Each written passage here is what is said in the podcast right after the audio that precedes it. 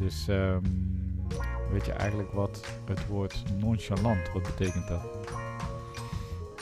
Niet chalant, maar ik weet niet wat chalant betekent. Ja, precies. Dus nonchalant is eigenlijk een beetje, ja, eh, ik weet eigenlijk niet hoe je het zou moeten noemen, maar het is inderdaad interessant om dan na te gaan denken, wat is chalant? Maar chalant betekent eigenlijk, nou, nonchalant is eigenlijk niet geïnteresseerd. Hmm. Maar wat dan is nog steeds de vraag van wat is dan chalant? Chalant is Frans en is afgeleid van eh, Latijn voor het woord klant. Dus eh, chalant, een klant is eigenlijk iemand die geïnteresseerd is. Ah. En nonchalant is niet geïnteresseerd. Dat wist ik niet. Nee, gewoon, Maar nu wel. heb je helemaal niks aan. Maar als je nou op vrijdagavond eh, bij de paprika chip staat op een heel eh, saai huisfeestje, dan, kan- dan kan je deze erin gooien. Goed, we gaan beginnen. Ja.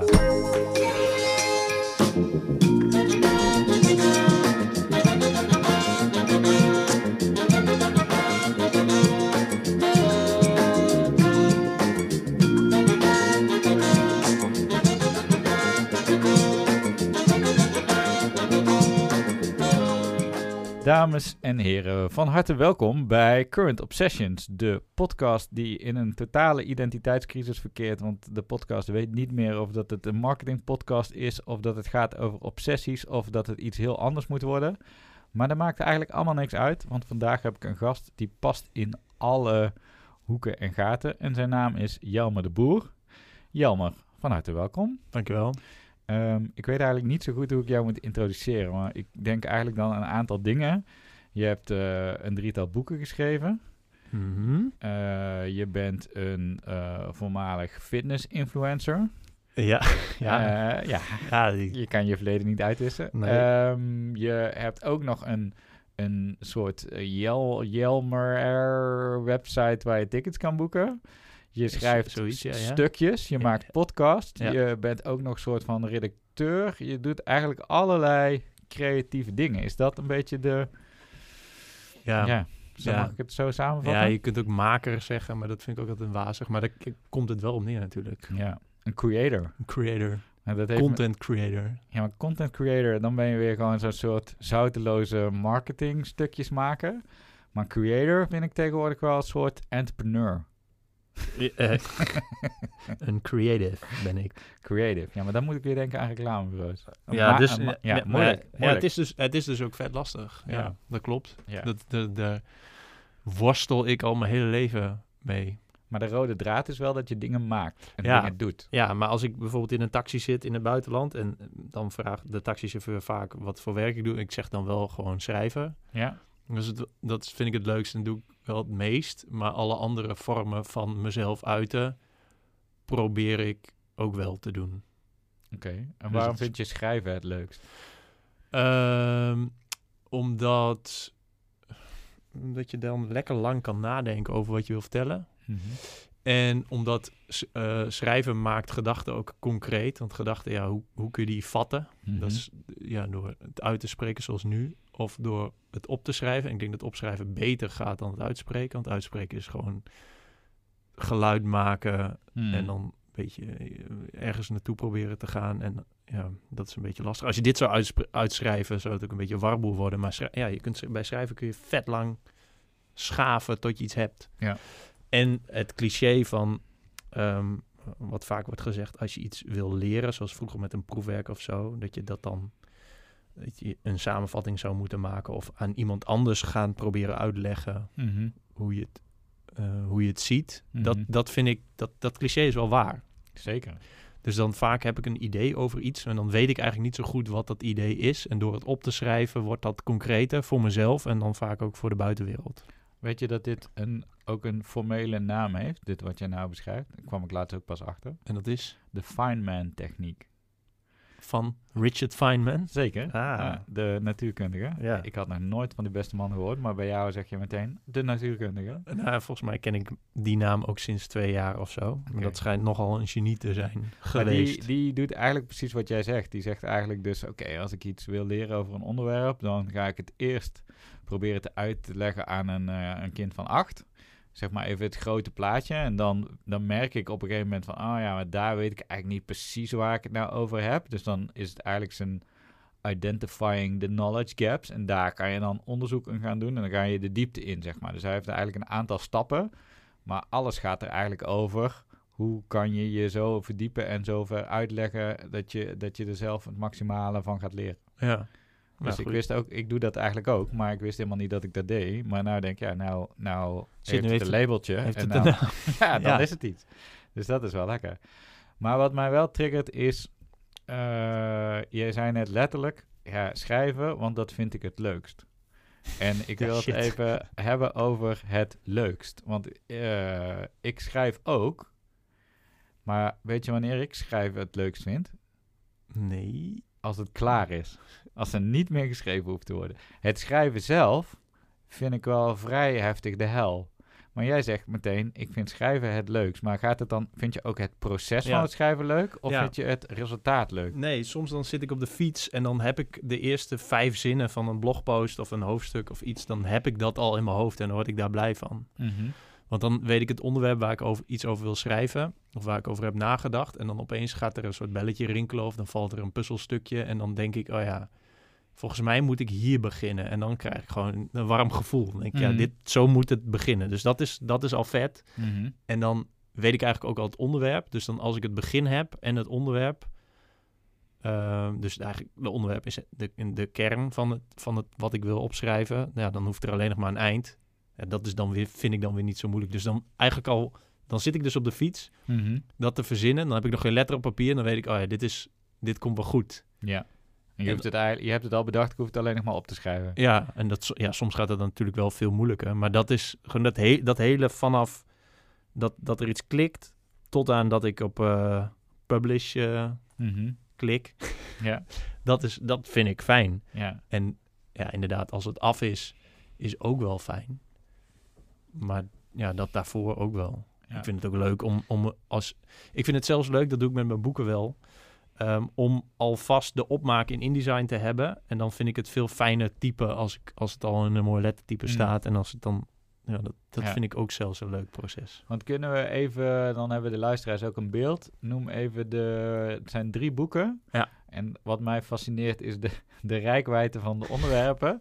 Eh, dan, dan leren de luisteraars ook even van, oké, we hebben het de hele tijd over schrijven, maar waar schrijf jij zo al over? Even te beginnen bij de boeken. Ehm, nou, je zei net dat ik een fitness-influencer was. En dat klopt, ja, dat klopt ook wel. Ik schreef veel over... Ik werkte toen als, als personal trainer eh, in de gym. En toen schreef ik gewoon eh, ja, eigenlijk alle onderwerpen die langskomen als mensen naar de gym gaan... of, wat, of, of eh, quote-unquote gezond willen eten. Dat, Mhm. dat vond ik interessant. Ehm, en ik probeerde altijd een beetje een soort van... nukkige, knipoogachtige stukjes erover te schrijven. Een soort dieetsatire heb ik het later pas genoemd. Dan had ik een blog eh, en dat werd best wel goed gelezen. En toen kwam er een uitgever die zei, wil je daar een boek over schrijven? En dat boek, wat er is gekomen, heet Etaart krijgt een sixpack. En dat is eigenlijk een verzameling van die blogposts met soort nieuw materiaal. Mhm. Er staan geen trainingsschema's in, je hebt er eigenlijk niks aan. Maar het, is, het, is, het zijn allerlei manieren om opnieuw te kijken naar trends in, in eh, fitnessland. En ik hoop, hoop dan tegelijkertijd ook nog een beetje de mensen dingen te leren. Dus Ja. het soort, ja, zelfhulp is het niet echt, maar ik denk wel dat het in die categorie in de boekhandel staat. Ja. Stond ook een keer trouwens bij Fit Girls, in de Ah ja, categorie lekker. Fit Girls. Ja, dus dat was goed. Dat, was, dat was het eerste boek. Ja. Ehm, het tweede boek heet Thuisblijven is duurder en gaat over het zoeken, vinden en boeken van goedkope vliegtickets. Travel hacking heet dat in het, in het Engels, denk ik. Ja. Of denk, ja, dat, dat, dat is gewoon de, de categorie. En dat kwam voort uit ja, mijn interesse voor de wereld. En eh, ik, ja, ik wilde heel graag de wereld zien. En ik wil zo, zo weinig mogelijk voor mijn tickets betalen. En ik kwam erachter dat er een dat die travel hacking wereld bestaat. Mhm. Veel mensen vinden het leuk om erachter te komen hoe je zo goedkoop mogelijk de wereld rond kan vliegen. En er is niet één trucje voor. Net zoals dat trouwens met fitness en met, met, met fit worden niet is. En ik begon daar ook over te bloggen. En toen dacht ik, nou, volgens mij is, zit, hier, zit hier wel een boekje. Er is wel, in Amerika is er Ja. wel een soort van wereld die, die Mensen willen dit. ja, en, maar vooral... Ja, het is een interessant onderwerp, want reizen, dat spreekt tot de verbeelding. En eh, weinig betalen ergens voor. En, en een soort puzzeltje oplossen. Ja. Dus dat, dat, die combinatie, en dat bleek ook best wel succesvol. Dus daar, dat, dat boek uh, Thuis blijven is duurder. Volgens mij was dat 2018. Het is nu 2022. Ik neem, neem aan dat mensen dit over vijf jaar nog luisteren. Zeker. Goed dat je dat even erbij zet. En uh, toen uh, 2009 was het alweer 2019, ja, heb ik een boek geschreven over kamerplanten. Logisch. Uh, ja, want dat was een andere hobby van mij. De tijd dat ik niet van huis was, was ik thuis. En, en ik hou van planten en planten verzorgen. En ik, en ik um, ja, ook, ook dat was eigenlijk een soort van eigen frustratie en iets wat ik vaak tegen of, of hoorde als ik daarover ging bloggen, is dat mensen, mensen gauw op zoek naar een oplossing voor een heel groot probleem. En mm -hmm. in al die onderwerpen waar ik dus over schrijf, is er niet één oplossing, maar zijn er meerdere. Is er gewoon een soort trucendoos, gereedschapskist die je kunt gebruiken mm -hmm. uh, om een probleem op te lossen. En het boek wat daaruit volgde was het handboek voor mensen, trouwens niet met het. Het boek heet Handboek voor mensen die hun kamerplant altijd dood laten gaan. Um, waarin ik eigenlijk een soort van biologieboek combineer met, um, ja, een soort, ja, het, ja, het is gewoon een hand, ja, verzorgingshandboek. Mm. Wat je hebt, wat je hebt in, in kamerplantenwereld zijn hele, vaak hele truttige soort van uh, interieurontwerp, gezellige hoekjes, foto's, boeken. Mm -hmm. Een soort inspiratie. Zo kun je je plant op je tafeltje zetten. Nou, dat vind ik niet boeiend. Daar heb je ook helemaal niks aan, vind ik. Mm -hmm. En je hebt hele saaie biologie-uitleg. Verzorgingsboeken. Ja, en ja, je hebt natuurlijk je hebt nog een andere categorie en die is best wel succesvol. En dat is Volgens mij heet dat het Kamerplantenhandboek geschreven in 1978. Nou, dat verandert natuurlijk helemaal niks. Want mm. mensen hebben kamerplanten. Als mm. ik nu een babyfoto van mezelf zie, dan zie ik dat mijn moeder op de achtergrond dezelfde plant heeft als die ik nu heb. Um, maar ja, dat is, dat is door de tijd een beetje oudbollig geworden. Toen dacht ik, ja, volgens mij mist er wel een boek met, met deze titel. En deze titel natuurlijk expres gekozen, omdat er heel veel mensen dan denken, oh, dat is echt een boek voor mij. Of dit is echt een boek voor iemand die je ken. Ja. En eigenlijk heeft, ja, heeft iedereen aan wie ik die titel zeg, die zegt een van die twee dingen. Toen dacht ik, ja, dit is top. Want we hebben dus uh, uh, eettaart uh, krijg sixpack. Mm -hmm. Handboek voor kamer, mensen die kamerplanten altijd laten gaan. Hoe heette die tweede, tweede boek? Thuisblijven is duurder. Ja. Het zijn alle drie briljante titels. Dankjewel. Ja, maar ik denk, Beschouw jij jezelf als een marketeer of is dat een vies woord? Ja, ja we, hebben hier, we hebben hierover gepraat. Ja, ik vind dat wel... Ik heb altijd wel best wel een vieze smaak in mijn mond als we het daarover hebben. Ja, um, ja, ja. Behalve als dat de boeken verkocht moeten worden, vriend. Ja, dat is wel waar. Ja, nee, daar heb je gelijk in. Nee, ik heb echt een haat-liefde verhouding, want ik weet precies wat je bedoelt. Hou deze even vast, want ja. wil ik daar meer over horen. Maar we waren nog bezig met waar ben je over aan het schrijven. Dus we hebben die drie boeken. Maar op jouw website ga je in principe nog breder. Hè? Dus ik ben al geïntrigeerd door gewoon de, de rijkwijde van deze drie onderwerpen. Maar waar schrijf je dan nog meer stukjes over? Ja, van alles. Ja, van alles en nog wat. Er zijn, er zijn soms van die, van die onderwerpen die ik opeens interessant vind waar, waar ik in ga duiken. Ja, ik heb best wel veel tijd om dingen uit te zoeken of uit te proberen. Of ik neem daar veel tijd voor, laten we het zo zeggen. Mm -hmm. En nu, nu is het een beetje filosofiehoek. Ik heb wel het idee dat je daar een soort van automatisch uitkomt als je meer dingen interessant vindt of ouder wordt. Mm -hmm. Dan, ja, maar ik, dat, dat is sowieso een lastig onderwerp, want het is het allerminst concreet. Mm -hmm. en, en, en abstracte dingen zijn gewoon volgens mij per definitie saai. Voor veel mensen wel, ja. Nou, ik denk dat je, dat je iets heel duidelijk maakt. En dat, die, dat zie ik ook bij jou, de dingen die jij schrijft. Dus als je hele concrete voorbeelden uit het leven hebt die iedereen herkent. Mm -hmm. En dat is, het is niet per definitie direct interessant, een interessant onderwerp.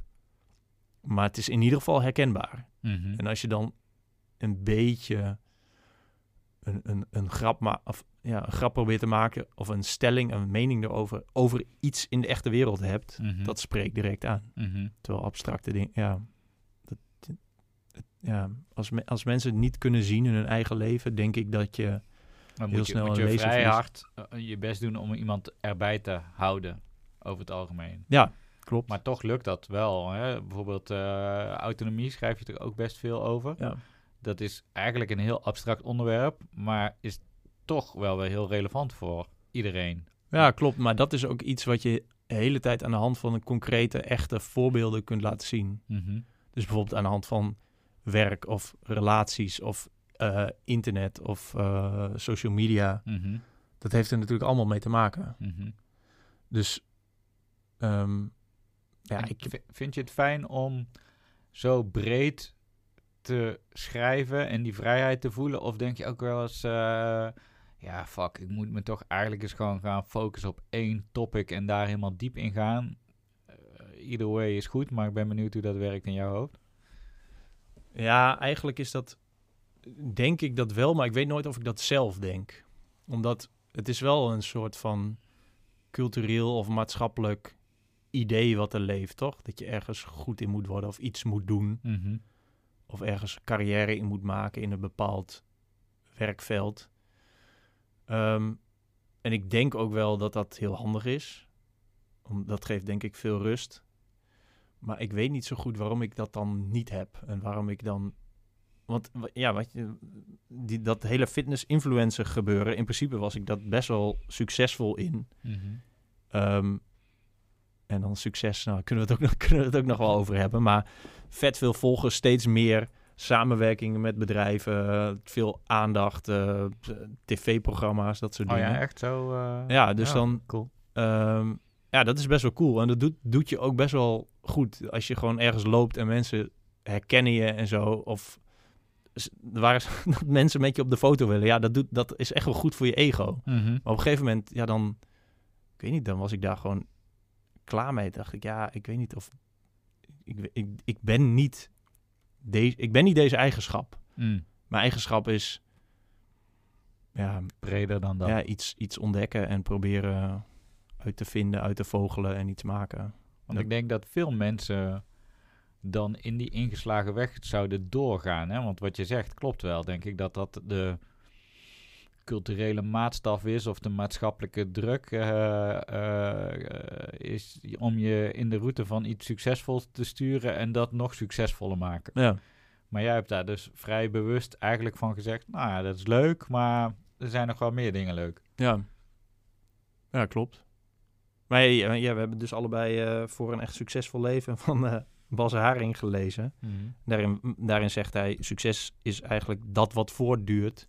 Dus ik heb een bewust, kies dan bewust voor een onsuccesvol leven misschien. Ja, ja. Ja, je hebt, je hebt, ik, ik denk steeds van wauw, wat, wat leven we toch in een vette wereld. Je kunt overal naartoe vliegen, je kunt alles leren online, je kunt van alles ontdekken. Je kunt allerlei, eigenlijk allerlei soorten werk doen. Ik dacht, ik dacht een paar jaar geleden, dacht ik, wat irritant eigenlijk dat ik elke keer als ik een t-shirt koop, dat het, dat het altijd te kort is of niet goed zit. Ja, dan ga je naar YouTube, how to make a t-shirt en dan ja, je doet een klein beetje je best en dan maak je je eigen t-shirt wat perfect zit. Wat is dat toch voor fantastisch iets? Dat kon Mhm. honderd jaar geleden niet. Maar Nee. misschien was dan die frustratie er ook niet. Nee, nee. ja, dus ja, ik weet niet. Dat is echt zo'n zo'n beetje zo'n pluk de dag-achtige. Ah ja, en, en ik denk ook wel wat, wat in dat boek ook naar voren komt van succes. We hebben daar een, een idee bij als maatschappij wat succes is, maar dat is niet per se goed. Altijd voor het individu. Als je dus eigenlijk zegt, ja, weet je, ik kan doorgaan als fitness-influencer, maar dan word ik eigenlijk een soort karikatuur van mijn eigen persoonlijkheid. Krijg misschien wel geld en aanzien en dat soort dingen. Maar het onthoudt me ook van heel veel andere dingen. Dus ik kies nou heel bewust om weg te gaan van dat wat we eigenlijk als maatschappij succesvol vinden, maar ik kies eigenlijk voor mijn eigen succes. Ik definieer het voor mezelf. Ja, ja, ik denk dat, dat, dat je dan op een gegeven moment dan... Je groeit dan een beetje uit elkaar met een soort van... Ja, in mijn geval dan een soort van online persona. Dat, dat gaat steeds verder af van, van mezelf. Ja, dat, is, Ja. Dat, dat, dat frustreert alleen maar. Maar dat is wel moeilijk, wat ik, wat ik net zei. Als je er gewoon, als dat gewoon lekker gaat, ja, je doet soms een samenwerking en dan krijg je dan best wel wat geld voor. En, en er komen allemaal dingen op je pad die, ja, die gewoon, die je anders nooit zou hebben. Ik zou het doen. Ik zou gewoon fitness influencer. het- Ja, mensen die mij kennen, die weten, gast. Never gonna happen. Nee, maar ik kan me wel heel goed voorstellen. Ja, dat maar zou je het echt wel- doen? Weet ik niet. Ja, nee, ja, ja. Nee, misschien. Maar het is, ja, het is ook wel een beetje... Ik zou wel, vers- ik denk dat ik wel verslaafd, eh, makkelijk verslaafd raak aan succes. En ik, dit is ook waarom dat ik graag met jou deze podcast wil opnemen, omdat ik dus ook gefascineerd ben dat je dus, eh, ik kan ook wel eh, ont- ontboezeming doen, beste luisteraars. Ik post dus heel veel, omdat ik dat ook wel lekker vind dat mensen daarop reageren, dat je likes krijgt, dat je gezien wordt, allemaal dat Mhm. soort dingen zijn ook allemaal hele oppervlakkige, eh, hoe noem je dat, successen. Ja, weet niet. Het, het, het- maar nee, het vind ik niet. Ik vind het gewoon hele fundamentele successen. Het is gewoon aandacht en, en eh, ja, het is gewoon aandacht. Het is heel menselijk, toch? Is ook wel menselijk, maar ik bedoel, jij hebt dus wel, voor, je had dat eigenlijk datzelfde als f- fitness-influencer en toch heb je gezegd, ja, maar wacht even, dit is even iets te plat, ik ga ook nog andere dingen doen. Ik weet niet of ik dat zou kunnen als je dus op een gegeven moment daar ook aan gewend raakt en, en dat soort dingen. Ja, maar misschien ben ik ook gewoon helemaal niet ik, eh, eh, goed in hoe, in hoe nu een succesvolle influencer is. Ik, weet, ik denk gewoon niet dat ik, dat ik het vermogen of het talent heb om dat te zijn. Een Je tijdje, het al. Je Wat was het al. Ja, maar dat is, dat, die, die wereld is wel veranderd. Hmm. Want ik doe in principe nog wel hetzelfde, namelijk eh, wel iets minder, maar blogposts schrijven. Nou, mensen lezen sowieso niet zoveel blogs meer. Denk ik niet meer zoveel Nee. als, als toen. Nee. Video is, is wel belangrijker geworden of aansprekender. Eh, TikTok heeft, is wel een beetje Instagram aan het inhalen. Ja. Instagram geeft ook de voorkeur aan allerlei andere posts dan wat ik toen postte, denk ik. Ja. Dus waarschijnlijk ben ik er ook veel minder goed in. En heb ik nu dit verhaal wat ik afgelopen kwartier heb verteld, is gewoon, is gewoon een manier om te vertellen dat ik het niet meer kan. Nou ja, misschien, ik weet zeker, als je daar weer over, als je erover na zou gaan denken van hoe kan ik het systeem gamifyen dat ik wel weer eh, algoritmisch naar boven kom, dan, dan kan dat. Alleen het vergt een soort van iets minder authentieke manier. Ja, Want je gaat, dan ga je het echt, echt doen voor. Je gaat het dan niet meer doen vanwege de intrinsieke lol die je hebt in de dingen maken die je wil maken. Maar je gaat het maken om, om er iets mee te scoren. ja. nee, Terwijl maar dat klopt wel. Want Volgens mij gaat het jou in alles eigenlijk heel erg over de lol van het maken zelf. Ja. Nog los van het, het effect wat het sorteert. Ja, ja, precies. En we hadden het net over dat schrijven. Dat is tijdens het schrijven is dat leuk. En dat vind ik. Maar dat heb ik.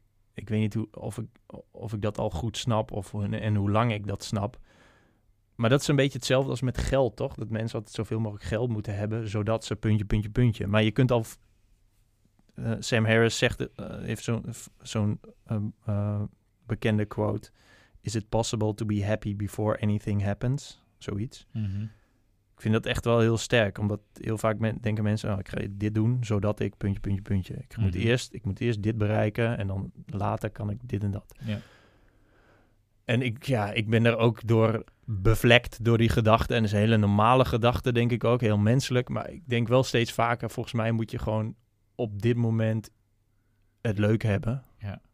Weet je hoe dat komt? Wat? Dat mensen die gedachten, ik weet niet, ik zeg dit nou met heel veel zelfvertrouwen, ga ik nou theorie uitleggen, maar die kan. En volgens mij komt dat doordat, door de overgang, dan gaan we heel ver terug, van de jagers en verzamelaars naar de agrarische samenleving. Ja, Dus de jagers en verzamelaars, die, eh, die hadden het eigenlijk best wel chill. Want die werkten drie uur per dag. En daarmee konden ze dus eigenlijk eten en iedereen in leven houden. Nou, prima. En de rest was gewoon eh, chillen bij het kampvuur. Maar toen kwam je dus eigenlijk de agrarische samenleving. En dan moet je eh, gewassen verbouwen en dat soort dingen. Maar dan kan het dus ook voorkomen dat jij een keer een jaar hebt dat het er weinig regen valt. Of dat er een sprinkhanenplaag komt of whatever. Dus je moet in de agrarische samenleving altijd soort van meer produceren dan wat je op dat moment nodig hebt. En mensen zijn angstig, dus die gaan altijd soort van overproduceren, overproduceren. En volgens mij hebben we daar allemaal een soort van tik van gekregen. ja, dat, is, ja dat is een van mijn eh, favoriete bijbelverhalen. Oh ja?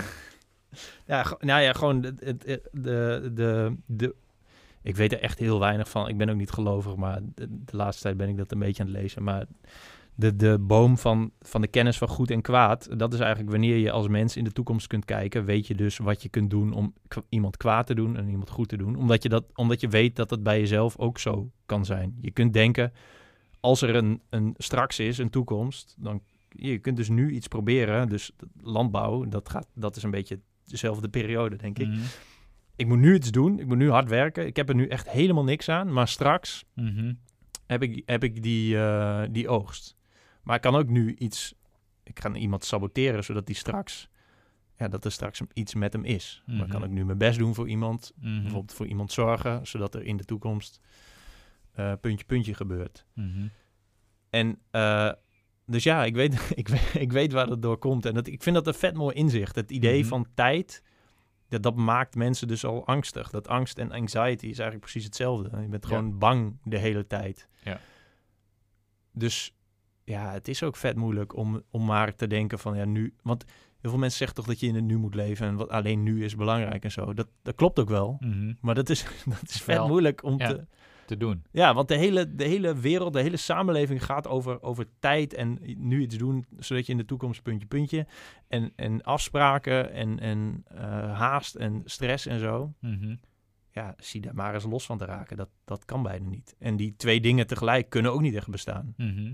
Hoe doe, doe jij dat dan? Hè? Want je hebt wel eh, nou, een beetje dit inzicht, of je hebt er in ieder geval al wel eens over nagedacht. Eh, volgens mij eh, heb je daarmee ook vrij bewust gekozen om niet in een soort corporate red race te gaan. Mhm. Maar denk je daar bewust over na, over hoe je je geld verdient, of hoe je je tijd besteedt, of hoe zorg je ervoor dat het allemaal een beetje leuk blijft nu, in plaats van leuk mogelijk straks later? Nou, ik, ik moet wel zeggen dat ik daar wel moeite mee heb. Omdat ehm, je hebt natuurlijk gewoon geld nodig om te kunnen leven. Mhm. En heel veel mensen omheen, gelukkig niet iedereen, dus dat is wel fi- fijn. Die, die hebben gewoon in hun hoofd hypotheekje, steeds groter huis, autootje. De hele tijd nu shit doen, zodat je in de toekomst iets hebt. Of hoeveel geld moet je verdienen, zodat je nooit meer hoeft te werken en zo. Ik vind dat zulke rare, rare... Ik, ik kan daar gewoon... Wat vind je van die fire mensen dan? Haat je die? Nee, ja, ik weet daar niet zo heel, van, moet ik, heel veel van, moet ik eerlijk zeggen. Ehm, dus eh, ja, ik weet, ik weet niet of ik daar iets zinnigs over kan zeggen. Wat ik, ervan, wat ik ervan weet is dat... Het is toch financial independence, retire early. Ja. Dus mensen zijn nu... Nou, op zich, het, de gedachtegang is wel aardig. Hè? Dus zij zeggen eigenlijk gewoon... eh, zorg dat je met pensioen kan gaan. En pensioen is niet per se gedefinieerd in de traditionele zin van het woord... maar dat je kan gaan doen wat je leuk vindt. Ehm, maar in de praktijk zie je eigenlijk toch wel veel dat het gaat over hoe kan ik zoveel mogelijk geld opzij zetten, beleggen en dat soort dingen. En is het dat doen wat ik leuk vind, niet heel strak gedefinieerd verder dan eh, reizen en leuke dingen doen. Terwijl ik ook denk, ja, dat zou ik ook super leuk vinden. Maar het is ook wel fijn als je gewoon iets bij kan dragen aan de maatschappij of Ja. iets doen. Ja, ik weet Wat- dus niet of dat, nee. of dat nog, eh, nog mist in die, in die beweging. Ehm, Maar je vindt het lastig om, om zeg maar nu voldoende tijd vrij te maken, kunnen maken voor de dingen die je leuk vindt, omdat je ook gewoon de praktische dingen te betalen hebt. Ehm, ja, gedeeltelijk. Maar als ik het dan bijvoorbeeld weer vergelijk met andere mensen die, ja, die dicht bij me staan, die ik niet per se bij naam hoef te noemen of zo, denk ik wel vaak, ja, ik heb het eigenlijk best wel goed voor elkaar. Eigenlijk al best wel lang. En goed voor elkaar bedoel ik echt niet het bedrag op mijn bankrekening, maar meer hoe ik Leef. leef. Ja. Dus dan ehm, heel, nou, als we kijken naar de afgelopen tien jaar, ik ben nu 36, heb ik, heb ik nooit 40 uur gewerkt voor een werkgever, maar altijd, of meestal wel tussen de 16 en 24 uur. Mhm. Omdat het ook leuk is om collega's te hebben en ergens aan bij te dragen, aan een, aan een groter geheel en ja, ook wel te leren van andere mensen. En ergens aan bijdragen is ook altijd wel leuk, dat je dat je, je kennis en kunde inzet voor, ja, voor iets anders. Ja. Ehm, ja, de rest van de tijd eh, pruts ik maar wat aan. Alleen de, de, de duivel op mijn schouder is dan... Die bestaat nog steeds wel, want die zegt gewoon van ja... wat, wat schiet je hier nou mee op? En dan moet ik Mm. de hele tijd tegen zeggen, ja, maar het, het doel is niet ergens mee, Nee, mee nee, nee, opschieten. nee, nee. Het doel is shit ontdekken en Ja. een boek lezen. Ja. En iets uitproberen en iets schrijven en iets maken. En nu, hoeveel tijd in een week besteed je aan dingen ontdekken en kijken waar je mee komt, schrijven, prutsen, whatever? Ja, nu wel wat minder, omdat ik een, eh, net vader ben geworden. Dus dan eh, Is het altijd wat drukker? is het wat drukker, maar veel minder druk dan ik had verwacht. Dus dat is wel fijn. Ja, ik weet niet hoeveel uur dat is. Want Nee, dat, maar dat is eigenlijk wel, zeg maar, eh één of twee dagen in de week wel, gok ik zo. ja, ja, wel meer. Ja. Ja. Ja. En, en heb je dan ook het gevoel dat je dan iets moet produceren? In de zin van iets schrijven of een podcast moet opnemen? Of, of is het zover geïnternaliseerd dat eigenlijk de activiteit zelf al genoeg is? Nee, dat eerste wel. Maar dat is nog steeds dat duiveltje waar ik net over had. Ik heb Mhm. wel, ja, er is nog steeds iemand die zegt... Ja, maar je moet wel wat opleveren. Je moet wel wat afvinken. Er moet wel iets zijn. Mhm. En daar moet ik je ook wel gelijk in geven. Het is ook wel echt heel lekker als je iets hebt gemaakt en, je Ja. hebt, en, het, en het is er. Ja. Kijk, Dat geeft zo- mij ook altijd een soort in. Want je kunt aan de ene kant denken, ja, het is de duivel die dat zegt, want het hoeft eigenlijk niet. Maar ik vind het wel echt gewoon lekker, ook gewoon voor jezelf, dat je op publiceren hebt gedrukt of dat er een vogelhuisje is gemaakt, dat er Ja. iets af is. Ja, is Je ook, kan- dat je- is ook zo. Je kan ook wel lol hebben gehad in de schuur met hout en weet ik veel wat. En dan aan het eind heb je stapel planken. Maar ik vind het wel lekkerder als er dan ook een vogelhuisje is. Ja. ja, dat is wel zo. Vro- Vroeger tekende ik heel veel en dan... dan ja, maar dan had, ik, dan had ik het weer niet. Dan had ik iets gemaakt en dan... Ja, die tekening ging gewoon op het oud papier. Ik dacht, ja, ik, ik ga dat, Mhm. ik hoef dat niet te bewaren of zo. Dat. Ik heb nu even lekker getekend en het is een, zo'n mooi vogel geworden. Ja, prima. En dan kan hij ook gewoon weg. En dat is er dan ook weer niet heel, heel erg. Mhm. Dus dat, dat bestaat wel. Maar aan de andere kant wil je ook gewoon inderdaad iets hebben ge- gebouwd, gemaakt. Het irritante met digitale producten is dat, dat je het altijd kunt wijzigen. Behalve misschien een Mhm. podcast, ja, die kun je ook wel editen. Maar Mhm. een, st- een stuk tekst, dat vond ik ook zo moeilijk aan boeken schrijven. Dan op een gegeven moment is het boek er. En dan kun je het nooit meer aanpassen. Ja, En ik wist toen al dat ik zes jaar later nu over dat boek ging Ja. denken van... pff, moet je dat dan weer zo opschrijven? Ja. Ja. En dat, ja, dat heb ik nu. Dus, Ja, ja. Ja, ja, het is ook, ook ja, het is een vloek en een zegen, want het is ook wel lekker. Het is af, je kan er niks meer aan doen. ja, Eh, it's out there. ja. Ik heb een tijdje nou, ehm, ik weet niet of je dat boek, eh, ik weet niet meer hoe het heet. Volgens mij heet zij Elizabeth Gilmore, Amerikaanse dame, en die heeft een boek geschreven. Nou ja, ik ga het in de show notes zetten, maar dat gaat eigenlijk over hoe je creativiteit opwekt en, en, eh, en behoudt, zeg maar. En een van haar dingen was de, de morning routine. En dat gaat niet zozeer over de vaste routines, want dat is ook heel jeukerig. Maar eh, zij zei eigenlijk wel, iedere dag één pagina schrijven. Met de hand. Dus niet op de laptop, maar met de Ah. pen. En eerst denk je dan, ja, wat een onzin. Maar ik heb dat dus een paar maanden gedaan. En het is wel lekker, omdat als je dus met een pen schrijft, je kan dus niet corrigeren. Hè, dat kan met de laptop al. eh, dus je, je bent gewoon eigenlijk alleen maar letters op papier aan het dumpen. En wat ik ook lekker vond was, als je dus met een pen schrijft, je schrijft langzamer dan wanneer je op een laptop typt. En door dat langzamer schrijven, dat doet ook iets met je denkproces, zeg maar. Dus ik kon daardoor, door met de hand schrijven, kon ik ook wel veel op veel diepere gedachten komen. Eh, dan wanneer ik dus op die laptop aan het typen was en kon editen en kon schuiven en dat soort dingen. Hmm. Dus dat, dat zit er bij mij ook wel in, dat ik het schrijven als proces aan zich vind ik ook al wel interessant, omdat dat dus, ja, dat brengt je ergens of zo. ja. ja, zo zie ik dat ook wel. Ja, Het is, het is eigenlijk een... Hoe heet dat? Een, het is eigenlijk een denkoefening, ja. toch? En hoe doe jij het als je nou bijvoorbeeld een onderwerp pakt als autonomie, wat een complex onderwerp is, waar heel veel mensen al dingen over hebben geschreven en gevonden, over dingen hebben over gevonden. Als jij dan gaat zitten en je hebt een invalshoek bedacht op de fiets, ga je dan gewoon eigenlijk die gedachten op papier zetten? Of heb je dan eigenlijk dat je denkt, dit is de invalshoek, ik ga nou nog een soort van researchen en ik ga wat verzamelen in een mapje of zo en ik ga daaruit putten om te schrijven, hoe werkt dat? Nee, eigenlijk is die research, dat is, dat, dat is waar het begint. Dus dat is eigenlijk superveel lezen of een podcast luisteren of een video kijken of een college kijken. Mhm. En dan is dat gewoon. Eigenlijk is wat ik het minst goed doe, is de, die momenten dat ik helemaal niks doe. Dus dat is, dat is eigenlijk wanneer die gedachten opborrelen. Dus dat is op de fiets zitten zonder een podcast te luisteren of Mhm. muziek te luisteren. Of te gaan wandelen zonder dat ik intussen op mijn telefoon kijk, dat soort dingen. Mhm. Dus die research heb ik al.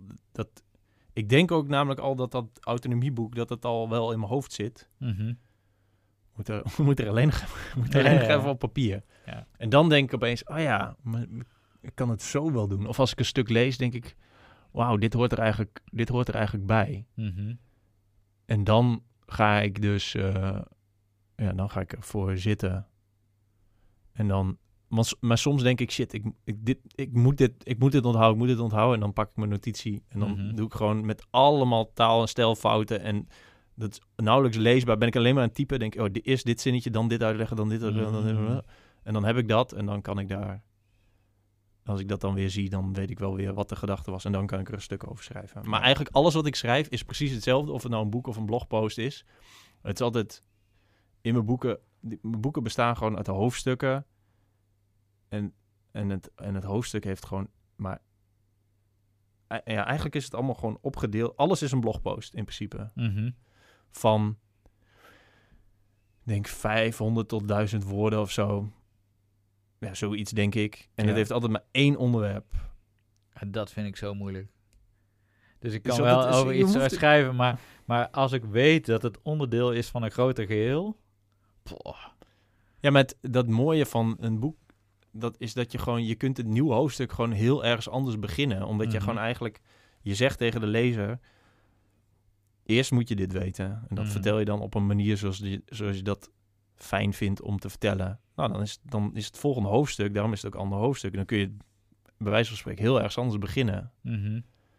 En ja, zo kun je dat eigenlijk opbouwen. En nu zeg ik dit met heel veel confidence. Ja, En in de praktijk is het natuurlijk vet moeilijk en Ja. lukt, lukt het heel vaak ook gewoon niet. ja. Maar dat is, ja, het is gewoon een opstapeling van blogposts, vind ik, Mhm. waarin je steeds een onderwerp eh, verder uitlegt. En Ja. dan op een gegeven moment sluit je het af, heb je het, heb je het deel van het boek Ja. afgesloten. Maar ja, wanneer weet je dan dat het af is? Ja. ja, dat weet ik eigenlijk ook niet. Ik denk, ik denk ook heel vaak, shit, Want, want we, we, we, be- bijvoorbeeld bij mij met mijn nieuwsbrief of met mijn slideshows, ik heb wel de, nou begin ik, merk ik al dat ik al ook een beetje aan het slacken ben, maar in principe doe ik dus één keer per drie weken een nieuwsbrief. Dus dan weet ik gewoon, oké, woensdag moet hij eruit. Dus Mhm. dan moet ik eh, op een gegeven moment een paar dagen van tevoren beginnen. En dan eigenlijk ben ik nooit tevreden. Maar ja, ik heb nou eenmaal die deadline. Dus dan is het ook eh, klaar. En ehm, volgens mij, eh, ik weet even niet meer hoe dat het- de kerel heet die die quote bedacht heeft. Maar eh, the, the job gets done in the time that stands for it. Daar Ja. geloof ik ook heel erg in. Maar als je tegen mij zegt, nee, de nieuwsbrief hoeft pas volgende week uit. En by the way, je hoeft de komende zeven dagen nergens naartoe. Dan ga ik die zeven dagen vullen met dat schrijven en polishen en dat soort dingen. Wordt hij misschien wel een paar procent beter van, maar niet substantieel. Dus, Nee. dus het, is, het helpt mij heel erg om te gewoon te zeggen... Het is niet af als het klaar is. Het is af als de tijd er daar is. Ja, dat zou mij denk ik ook wel helpen. Ik ben, Ja. daar, ik ben daar ook echt niet goed in. Dat, wat de, ja, dat doe jij veel beter, denk ik. Die time management. Nou ja, dat is ook een beetje ontstaan omdat ik weet dat ik anders echt niks uit mijn handen krijg. En eh, dat je gewoon denkt, ja, dit, dit. En ik denk dan ook, dat is ook naïef, maar ik denk ook gewoon, ja, maar de mensen verwachten eens in de zoveel tijd die nieuwsbrief. Terwijl als ik nou gewoon een tijd niks doe, nobody cares in principe. Eh, maar het helpt mij wel om een soort mentaal ding dat ik het voor iemand doe of zo. Ja, dat, dat heb jij niet, dus dan is het ook heel moeilijk, lijkt me, om dan op een gegeven moment te zeggen, ja, nou is het klaar. Want Nou, je kan heb- altijd beter en dieper of nog een andere dinges. Ik, heb- ik heb vorig jaar eh 350, ik heb geen jaar volgehouden, ik heb 350 dagen achter elkaar iedere dag een vlog gemaakt en geüpload. Oh ja. Maar dat was wel zo'n exercitie. Toen, toen vond ik mezelf verminderd creatief of dacht ik moet iets forceren. Ja. En dat was maar leuk en ook frustrerend om te doen. Want eigenlijk was er geen enkele video waarvan ik dacht, oh, dit is wel eigenlijk wel vet. Het is gewoon nu, want dit is precies wat jij zei. Ja. Ja, hij, moet, hij moet nu af. Ja, Dat had ik ook in mijn hoofd dat ik hem iedere dag om twee uur ging uploaden. En ik Ja. heb ook echt wel dagen gehad dat ik even wat achterliep of zo. ja. Of ja, soms dan maakte ik een video dat ik niks had. Maar ja, ja, ik heb, ik heb een tijdje lang geblogd ook iedere dag. En dan, soms had ik ook echt niks. En dan zet ik er gewoon boven, dit is de slechtste blogpost ooit. En dan schreef ik gewoon maar over dat ik geen inspiratie had. En eh, dat vond ik dan de eerste keer nog wel goed. En dan de tweede keer denk ik, oh kut, nou kan ik hier eigenlijk toch niet meer wegkomen. Ik heb maar weer het- niks, Ja, ja. het is, ja je, je moet op een gegeven moment wel. ja. En, eh, eh, maar daar was je dus eigenlijk, is wel interessant, niet, als je daarop terugkijkt, was je, ben je daar dan tevreden over of niet tevreden over? Want je Ja. zegt eigenlijk, ik, ik proef een soort ontevredenheid. Ja, omdat ik gewoon niet... Kijk, ik, ik heb ook wel eerder video's gemaakt waar ik dan langer over deed. En die vind ik beter of mooier of goed gelukt. Mhm. Maar waar ik wel tevreden over ben, is dat ik nu 350... Nou oké, laten we er een jaar van maken. Een jaar uit mijn leven heb. En ik kijk nu soms nog wel eens terug en denk. Oh ja, dat vond ik toen vet of dat heb ik toen vastgelegd. En dat is natuurlijk ook met reizen. Dat, dat vind ik eigenlijk het leukst, die reisvlogs. Oh ja, dan was ik daar en dan was Ja. ik in Thailand. En dan weet ik veel waar. ging ik voor het eerst eh, snowboarden. Ja, ik ben daar heel erg blij mee. Dat heb ik ook wel eh, met eh, dagboeken. Ik ben niet iedere dag aan het schrijven in mijn boekjes, maar wel heel vaak. En dan lees ik dat terug en dan... Ja, dan... dan ik ben wel tevreden dat ik dat, dat ik dat heb. Ja, Ik weet niet wat ik eraan heb. Nee. Ik weet ook niet wat voor gevoel dat precies oproept. nee, maar het, ja, het, is denk ik de enerzijds de accomplishment dat je dat vol hebt gehouden. En anderzijds, het is ook gewoon een soort trip down je eigen memory lane. Ja, Want eh, je, je vergeet natuurlijk gewoon ontzettend veel. ja. Dus Klopt. dat is ook wel eh, lekker. Maar ja, ik zou ook wel denken dat je dus juist wel weer die creativiteit losmaakt. Omdat je dus op een gegeven moment, als je focust op het proces in plaats van het resultaat. Gewoon het proces van iedere dag iets produceren. Of dat dan een vlog of een podcast of een, een blog of whatever is. Dan haal je een beetje die kwaliteitsdruk eraf of zo.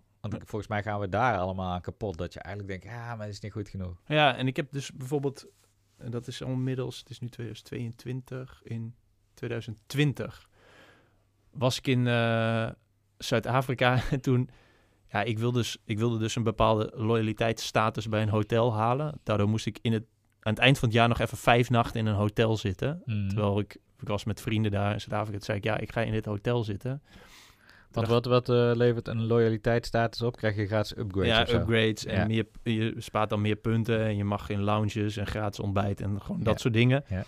En ik, ja, dat, dat wilde ik graag. Maar toen heb ik dus wel, dacht ik, er is, er is een, ja, ik wilde een, een boek schrijven over krachttraining, een soort van de zin, de zin van krachttraining, of het zin heeft en zin geeft en hoe je de zin in krijgt. Dat is een beetje die drie dingen. Mhm.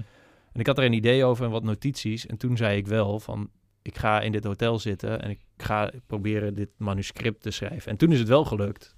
En toen heb ik in die dagen, ja, dat manuscript ligt er nog steeds. Dus nog, is niet gepubliceerd. Maar toen heb ik dus, en toen was ik ook echt aan het typen als echt, ik vond het echt, stond ik echt als een debiel. Dacht ik, dan wilde ik twee, hoeveel woorden wilde ik per dag? Is uiteindelijk 20, nou, ik denk 4000 woorden per dag. Zo. Ja, stevig. En toen stond ik ook echt te typen, dacht ik, ik ben echt zo'n idiot dat ik dit aan het doen ben, want deze zin slaat nergens op. Maar ik dacht, ik blijf schrijven, ik blijf schrijven. Ik wist precies welke hoofdstuk ik wilde. Ja. En ook gewoon, ja, dit is echt een lelijke zin, maar ik ga niet op backspace drukken, ik ga gewoon verder. En uiteindelijk heb ik het neergelegd en toen een maand later ging ik het lezen, dacht ik, maar het is, niet, het is niet zo slecht nog niet eigenlijk. Ik ben echt Mhm. super blij dat ik, dit, dat ik dit nu heb. En het is nog steeds iets waarvan ik denk van, ja, dat ga ik binnenkort wel publiceren omdat het. En het is ook alleen maar gelukt omdat ik ben blijven schrijven. Dus dat, Ja. dat, ja, dat is wel. Ik vind dat wel iets goeds. En, maar dat zegt ook iedere schrijver, toch? Ja, maar moet, het is ook moet veel maken. Veel, Ja. veel maken om iets goeds te maken. Ja, en daarna Ja. kun je het wel editen. Ja. Maar dat is zo lastig om, om te blijven typen terwijl je al weet dat die zin nergens op sloeg. Ik, ik zat een eh, podcast te luisteren. Misschien heb ik dat al verteld. Maar eh, Theo Maassen die interviewde Jochem Meijer. hey, die heb ik laatst ook geluisterd. Nou, let's go. Let's go. ja, de- ik vond dat een heel vet gesprek. Omdat ik denk, ja, twee, twee comedians, allebei high level. En maar Jochem, wel heel anders. Jochem Meijer die zegt dan eigenlijk, ja, je hebt mensen die echt talent hebben. En dan kom ik. Nou, hij, zegt, hij snapt ook wel dat hij talent heeft. Maar hij zegt daarmee eigenlijk, ik moet er heel hard voor werken.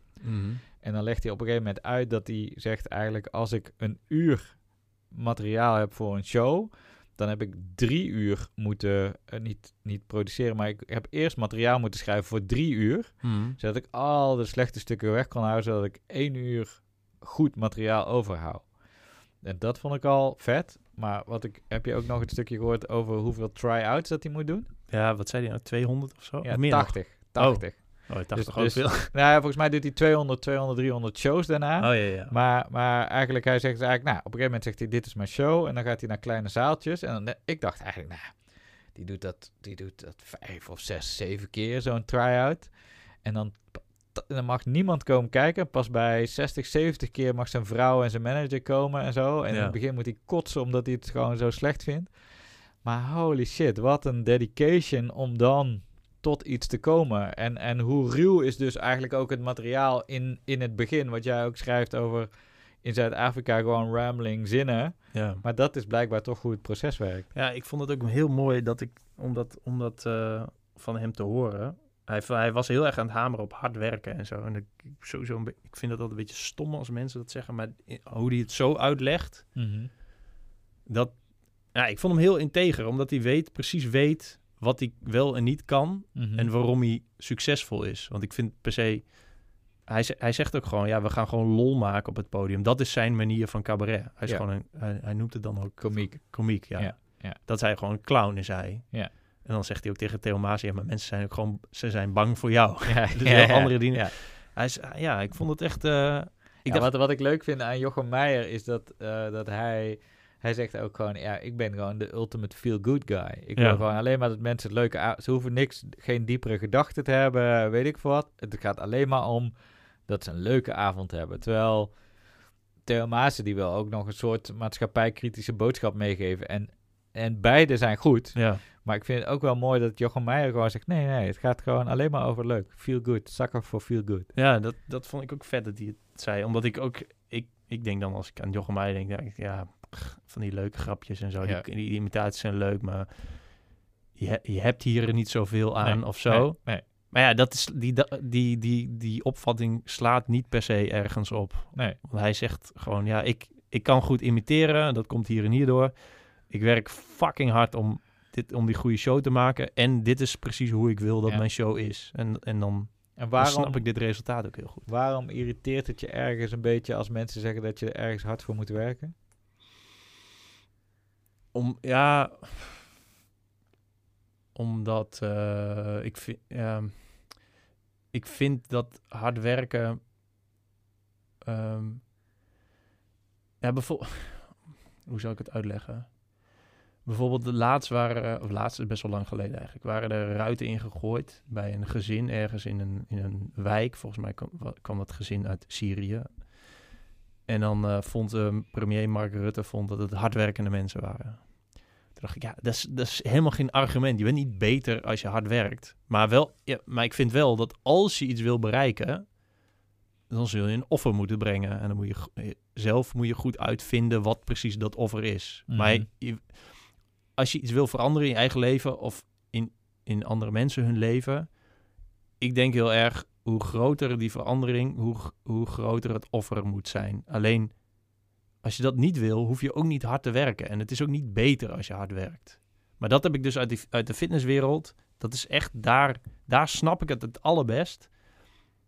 Als je iets wil, als je wil afslanken of sterker wil worden, of veel sterker wil worden, of veel wil afslanken. Dat offer moet gewoon vet groot zijn. Je moet echt iets veranderen. Wil je, wil je dat bereiken? En dat, ik snap dat daar heel goed. En de rest. En nu, probe- nu begin ik het een beetje te snappen hoe dat ook is in, eh, ja, in de rest van de wereld. Ja, dus eerst dat je dacht, ja, hard, hard werken of niet hard werken is geen criterium voor goed of slecht. Nee. Maar bij het offer brengen snap je het wel van, ja, als je resultaten wil bereiken, dan, dan moet je daar iets voor doen. Nee, maar, ik vind, ja, maar sommige mensen willen niet dat iets anders is. Dus dan zul je ook niet hard hoeven werken. Dan, kun je, dan is het wel goed zo, zoals het is. En wat vind je van die mensen? Nou ja, prima als je niks, niet iets anders wil. Nee. Alleen, en je hebt dan zo'n zo'n zo'n dat quote. is, dat is, maar dan kunnen we nou eventjes eh, offers, fitness, eh, Bas Haring en het boeddhisme aan elkaar knopen. Ja.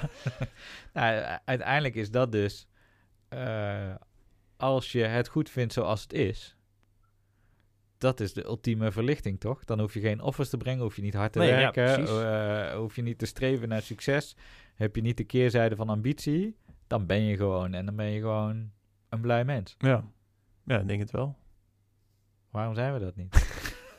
waarom, waarom moeten we nou, waarom moeten we stukjes Nou maken? ja, omdat Adam en Eva dus ja, in, de- in paradijs- waren. Ja. Nee, Ja. ja. maar, ja, maar toch, willen, toch waar, waarom wil jij eh, creëren? Je kunt ook gewoon zeggen, fuck it, ik werk gewoon eh 16 uur eh, en dan kan ik eh, mijn huur mee betalen. En eh, voor de rest ga ik zitten vissen aan de waterkant, vogelhuisjes maken en eh stoepkrijten. Ja, maar ja, een vogelhuisje maken is ook creëren. Oh, ja. Ja, nee, ik, ik wist dat we het over creëren gingen hebben, maar dat waarom? Dat- ja, dat is Weet wel. ik ook niet, hè? Maar het is gewoon dat, nee, ja, maar dat is, dat is, eh, en dat is echt lastig. Ja, ik vind het ook vet interessant om daarover na te denken hoe dat, hoe dat dan komt. En misschien staat er in heel veel boeken wel het antwoord. Ik weet ook wel dat als ik op het eh, nu ook, dat ik, nu zit ik aan een kabeltje van de microfoon te frunniken. Maar als ik op een grasveld zit, pak ik een takje en dan ben ik het, ben ik het de Zit- schors aan het afhalen in het soort van Het zit waarschijnlijk ook gewoon ingebakken in onze, in Ja, de er, zijn, er zijn wel theorieën over dat, dat door een energieoverschot ga je dat soort dingetjes doen. Volgens Mm. mij hebben bepaalde wevenvogeltjes dat ook wel. Mm. Die beginnen gewoon dingetjes te doen die in principe nergens op slaan. eh, ehm, ja, om iets te bereiken. Die zijn gewoon dingetjes aan het doen. Volgens mij is dat met mensen eh, ook zo. En er komt natuurlijk een heel groot stuk ego bij kijken, toch? Als je iets hebt opgeleverd wat andere mensen leuk vinden Ook, ja. of eh, en vet vinden. En ik vind het ook altijd leuk om een beetje te irriteren. Dat, ik weet niet, ik hou wel van een beetje eh, wrijving. Dan, eh, ik weet niet, eh, dat zal wel een stuk sadisme in mij zijn. Dat slaat, dat ja, als je een soort van op zoek bent naar harmonie of orde in de wereld, dan, dan ik draag daar dan niet aan bij. Ik vind het leuk om irritant te doen. Maar wel tot op zekere hoogte. Ja, ik weet niet waar dat van. Ja. Gewoon, wat- ik denk wat dat het is gewoon. dat dan? Wat zeg je? Da- zo hebben wij elkaar eigenlijk gevonden, bedenken we nou. Hoezo dan? Nou, jij had een heel kritisch stuk geschreven over Oh eh, ja. Naval eh, Ravikant. Ja, En eh, waar heel veel mensen lyrisch over waren, zei hij eigenlijk... Jezus, wat een lege, eh, lege visie over geld verdienen en leverage. Flikker toch op, man. ja. Dat vond ik mooi. Ja. ja, Nou ja, dan is het, Ja. heeft het toch wel weer orde in jouw Ja, chaos ges- geschapen. ja. Ja, ja, nou ja, dat, soort, dat soort voorbeelden dus. ja. Maar dan, dan het, het eigenlijk twee dingen. Ik vind dat echt, dan lees ik dat boek over Naval en die, die zie ik op Twitter wel een beetje voorbij komen. En zo het zijdelings, zonder dat ik erover nadenk, denk ik, maar dat is best wel, volgens mij deze dude wel eh, interessante ideeën of opvattingen. En dan lees ik zo'n boek samengesteld door iemand anders op basis van zijn tweets en denk wel blogposts. En dan ga ik dan, dan, ja, dan je doet er, besteedt er een paar uur aan. En dan denk ik echt oprecht van, hè, maar je spreekt jezelf de hele tijd tegen. Nou is dat op zich niet zo heel erg, want dat doet iedereen. En ik weet niet, dit, dit ja, ik, ik, het, het, het raakt me nergens. Het, het is helemaal, je hebt Mhm. er niks aan als je het zou uitschrijven wat je er nou echt aan hebt. Ja, ik, ik kom gewoon nergens. En toen dacht ik, ja, maar heel veel mensen vinden hem tof. Dus dan ga ik gewoon wel een blogpost schrijven over hoe verschrikkelijk deze man Ja. is. Maar dat is niet sadistisch en irriteren, denk ik. Ook al is dat misschien wel hoe dat in jouw hoofd werkt of zo. En je zou het ook nog wel op die manier kunnen zien. Maar het is ook wel gewoon een ander perspectief bieden dan het heersende perspectief. Als het heersende perspectief is, ah, alles wat deze man zegt is geweldig. Dan kan je zo kijken, ja, wacht even, ik zoom even iets uit. Ik plaats het in een ander perspectief. En zo kun je er ook naar kijken. Dan voeg je iets toe aan de, Ja, aan de discussie, zeg maar. Ook Ja. al is het op een, op een beetje een prikkelende manier gebracht. Het is juist wel added value. Want als je een stuk zou schrijven over... Nou, wat deze man heeft geschreven, fantastisch boek. Zou je eigenlijk... Ja, er zijn al eh 500 blogposts die dat beweren. Is juist wel verfrissend om een, om een ander geluid te laten horen. Ja, maar dat is, dat is ook wel de kern van, ja, van creëren zoals ik dat dan zie. Is vaak zo'n stemmetje dat zegt... Volgens mij moet je, moet je, moet je mensen iets eh, op een andere manier ergens naar laten kijken. En misschien, dat is ook een beetje hoe kunst werkt natuurlijk. Heel vaak is het gewoon een stemmetje, hey, jullie snappen het niet. Volgens mij, volgens Mhm. mij zit het zo. En dan probeer ik Mhm. iets te maken of te, eh, ja, of, ja, of te schrijven. Ja, want volgens mij schreef je dat ook, hè? Eh, ik ben dat nou even... eh, je denkt even van, eh, zit hier nou nee, ik dacht, je, wat- je checkt de tijd even. Nee, joh. Nee, maar dus jij schreef over, ook over creativiteit. En ook dat het dus ook een, een soort noodzaak is om eigenlijk gewoon ehm, ja, iets bij te dragen. Iets wat er volgens mij nog niet is, maar wat er wel zou moeten zijn. Ja, Dat vond ik wel een hele mooie. ja, maar, ja, maar waarom het er zou moeten zijn, is denk ik, is denk ik dan toch wel dat er meer orde in de chaos is. Mhm. En dat heb ik dus heel erg sterk. En dat heb ik nog steeds met de hele fitnesswereld. Er gebeurt zoveel. Er zijn, nu, er zijn al die debielen die nu weer in ijsbaden zitten. Mhm. Jij, ben jij dat ook aan het doen? Ik heb er wel toevallig laatst ingezeten, maar niet, heb in niet, een omdat het, niet omdat ik dat per se wilde. Maar dus, en, en dat is in de fitnesswereld. Je kunt Ik de moest- klok... Eh, klok- ik wil nog even één over de ijsbad, want daar zat ik laatst ook over na te denken. Dat ik, het is inderdaad nu echt een soort trend.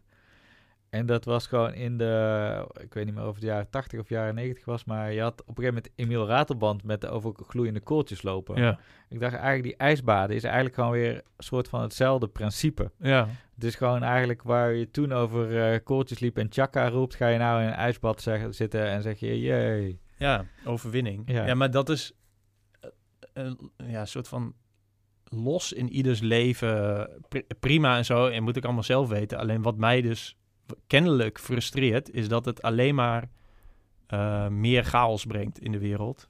Ik denk, ik, denk, ik denk dat dat de kern is. En dat ik probeer de orde te herstellen door te zeggen: jongens, je, je hoeft dit, dit, dit, je kunt dit wegsnijden. Dit, dit Mhm. hoeft niet te bestaan. Mhm. je, je, je- het kan veel relaxter. En dat is met de hele fitnesswereld. Allerlei soorten diëten. Dan is dit weer niet goed. Dan is dat weer niet goed. Je moet dit doen. Je moet zus doen, zo doen. Ja, ik weet, ik weet, ik zie het om me heen. Ik zit al vet lang in die wereld. En ik heb ook in, bij bedrijven gewerkt die, meer dan, die, die meerdere duizenden mensen hebben gecoacht in het in afslanken of, Ja. of, of, of beter en flexibeler omgaan met voeding en voedingsgedrag. Het is alleen maar ruis. En dat vind ik, ja, ik vind dat frustrerend. Ik vind het ook heel zielig dat dat, dat bestaat en dat mensen daar alleen maar, ehm, ja, ja, ze krijgen meer eh, angst, anxiety daardoor. Die denken, want dat heb je nu toch, dat mensen niet meer, echt niet meer weten wat ze nou moeten doen. Mhm. Ja, dat, dat vind ik eh, zonde. En die orde probeer ik dan te herstellen. Maar eh, ja, ik denk ook heel vaak, ja, maar misschien maak ik het zelf dan ook weer nog chaotischer. Maar is het dan ergens jouw doel om een soort van tot de essentie van iets te komen? Ja, alleen ehm, weet ik nog steeds niet zo goed waarom mensen ehm, dat, dat niet lijken te accepteren dat sommige dingen heel simpel zijn. Zoals? Ehm, als je wil afslanken, moet je minder calorieën eten tot je nemen dan je gebruikt. En ja, het, het, is, het is gewoon waar. Ja, ja, ja, ja. het is gewoon, het is gewoon Dus echt in, niet in anders. essentie zijn deze twee zinnen... eh, je kan, zeg maar, 300.000 dieetboeken wegstrepen... als je gewoon eigenlijk deze twee zinnen... Ja, de grap is eh, dat heel veel dieetboeken eigenlijk werken omdat, omdat dit erin zit. Alleen Mhm. is de verpakking heel anders. Eh, de, Ja. Vaste op bepaalde tijdstippen, waardoor je een energietekort creëert. Eh, dit soort voedingsmiddelen laten staan, waardoor je een energietekort creëert. Of heel veel gaan bewegen, wat trouwens niet de beste methode is, waardoor je een energietekort creëert. Ja, dat is het. En er zijn, er zijn zoveel mensen die zeggen: nee, nee, de, de, ene calorie is de andere niet. Jawel, jawel, dat is het wel. Het is echt zo simpel. En ehm, ja, dat, ik, ik, ik vraag me echt af waarom dat. eh, waarom, waarom mensen dat denken. Wat ik zei, je hebt- duizenden mensen langs zien komen. Ja, Ik, ik, ja, ik, ik heb al geen zin meer om dit, ja. om dit, dit bewijs erbij te voeren. Nee. Gewoon een wetmatigheid Ja, is het. Maar misschien is dat nou, dat is misschien ook wel een mooie afsluiting van de, de, de kern. Dat herken ik ergens wel. Het is een soort eh, fighting, fighting bullshit of zo. Ik heb datzelfde wat jij nou beschrijft over eh, de fitnesswereld. Ik heb dat een beetje bij marketing. En is marketing op zich misschien al een soort discutabele stroming. Maar daarbinnen heb je natuurlijk nu de stroming. Nee, nee, eh, nee, chatbots. Nee, nee, AI wordt het helemaal. Nee, nee, nee, eh, we moeten whatever. Terwijl uiteindelijk gaat het gewoon, zijn de basisprincipes super eenvoudig, zeg maar. Ja. Terwijl het wordt elke keer weer met ruis of complex of met, met financiële doelen eh, op een andere manier uh, geframed. Ik denk dat dat heel erg overeenkomst, eh, overeenkomt. Want jij hebt daar wel een zin over, toch? Over wat marketing is. Ja. Zeg, zeg maar. Ja. Zo. De juiste bo- de juiste Nee, boodschap, toch? Wat ja, was het? Nee, ehm, ik, eh, pff, eh, het gaat om, eh, om het ver- verleiden, stu- sturen, motiveren van mensen of zoiets. Volgens mij zeg ik vaker. Maar Ja. is misschien En je hebt, volgens mij zei je tegen mij de, gewoon de juiste boodschap op het juiste moment aan de juiste persoon. Dat heb je Ja. toch ook... Ja, ja, ook dat. Ja. Alleen, en dat, dat, dat eh, is natuurlijk ook wel vervelend. Maar dat is ook wel weer een heel... Dat is een onderwerp Waarom Van- is dat vervelend? Ja, ik bedoel, nou ja, ik, ik wilde er nog iets achteraan zeggen. Dat, dat verkoopt natuurlijk niet. Nee, nee. Dus daarom, die hele markt, zoals ook in de fitnesswereld, eh, heb je in de marketingwereld reclamebureaus, mediabureaus, marketingbureaus. Die verkopen hun methodes en zienswijzen en et cetera. En, en iedere klant die denkt, ah, lekker, dan heb ik een soort shortcut. Hoef ik niet heel lang een merk op te gaan bouwen, hoef ik niet heel lang mijn beloftes na te komen aan consumenten. Maar dan heb ik gewoon een shortcut. Dan hoef ik niet die tijd te investeren. En dan, dan ineens gaat mijn verkoop omhoog. En de fitnesswereld denkt ook van... eh, oh ja, ik moet meer energie verbranden dan dat ik inneem. Ah ja, ja het gedoe, weet je wat? Ah, ik volg deze dieetmethode, deze sportmethode... want dan gaat het sneller in minder moeite. Ja, It's not gonna happen. nee. Nee, ja, precies. Dat, maar Ja. dat is de parallel in allerlei dingen. Maar ik weet ook niet, en misschien heb jij daar een antwoord op, waarom dat me zo aantrekt. Waarom ik dan denk, nee, maar ik moet dit rechtzetten voor de wereld. Ja, het is, het is, als je het heel melodramatisch wil maken, het is een vorm van onrecht. On, onrecht in de, eh, misschien is onrecht niet eens het juiste woord, maar als je dus zegt, nou, een dieetgoeroe zegt, als je dit doet, dan gebeurt er dat. Dan denk je eigenlijk, ja, maar dat klopt niet. Het is eigenlijk een, een leugen is een zwaar woord, maar het is wel misleiding.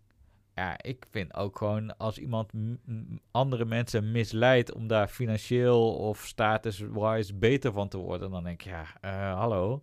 We hoeven niet allemaal krom te liggen omdat jij nou zo graag je misleidende dingen. En of dat dan een dieetgoeroe is, een fitness-influencer of een reclamebureau, Hm. wat, een, wat een onzinnige methode verkoopt. Ja, dan denk ik wel van, oké jongens, wacht even.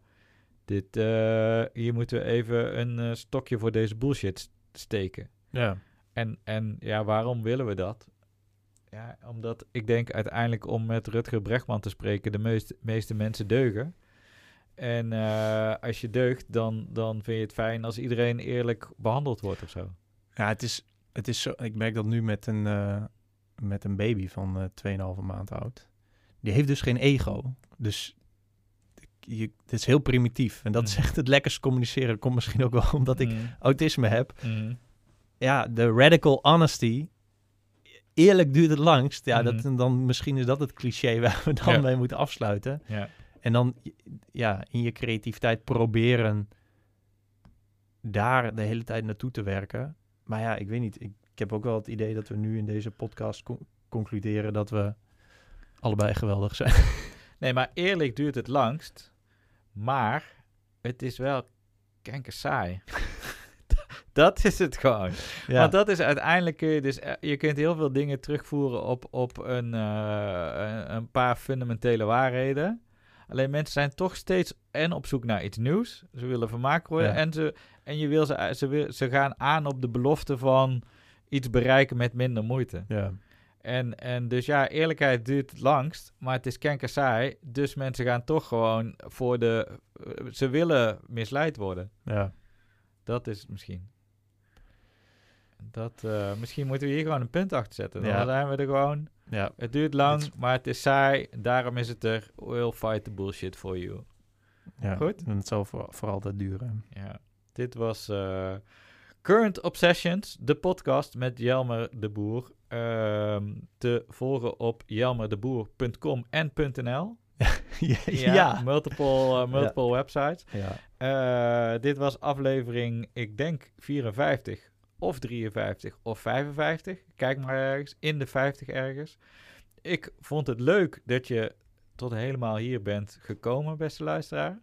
Misschien dacht je, dit gesprek ging nergens over, heb ik helemaal niks aan. Maakt niet uit, je hebt een fijn uur gehad van je leven. Eh, en ik hoop dat je de volgende keer weer gaat luisteren. Dankjewel. Moet je ook nog even zeggen, daar. Oh, dag mensen. Bedankt voor het Dag. luisteren. Doei.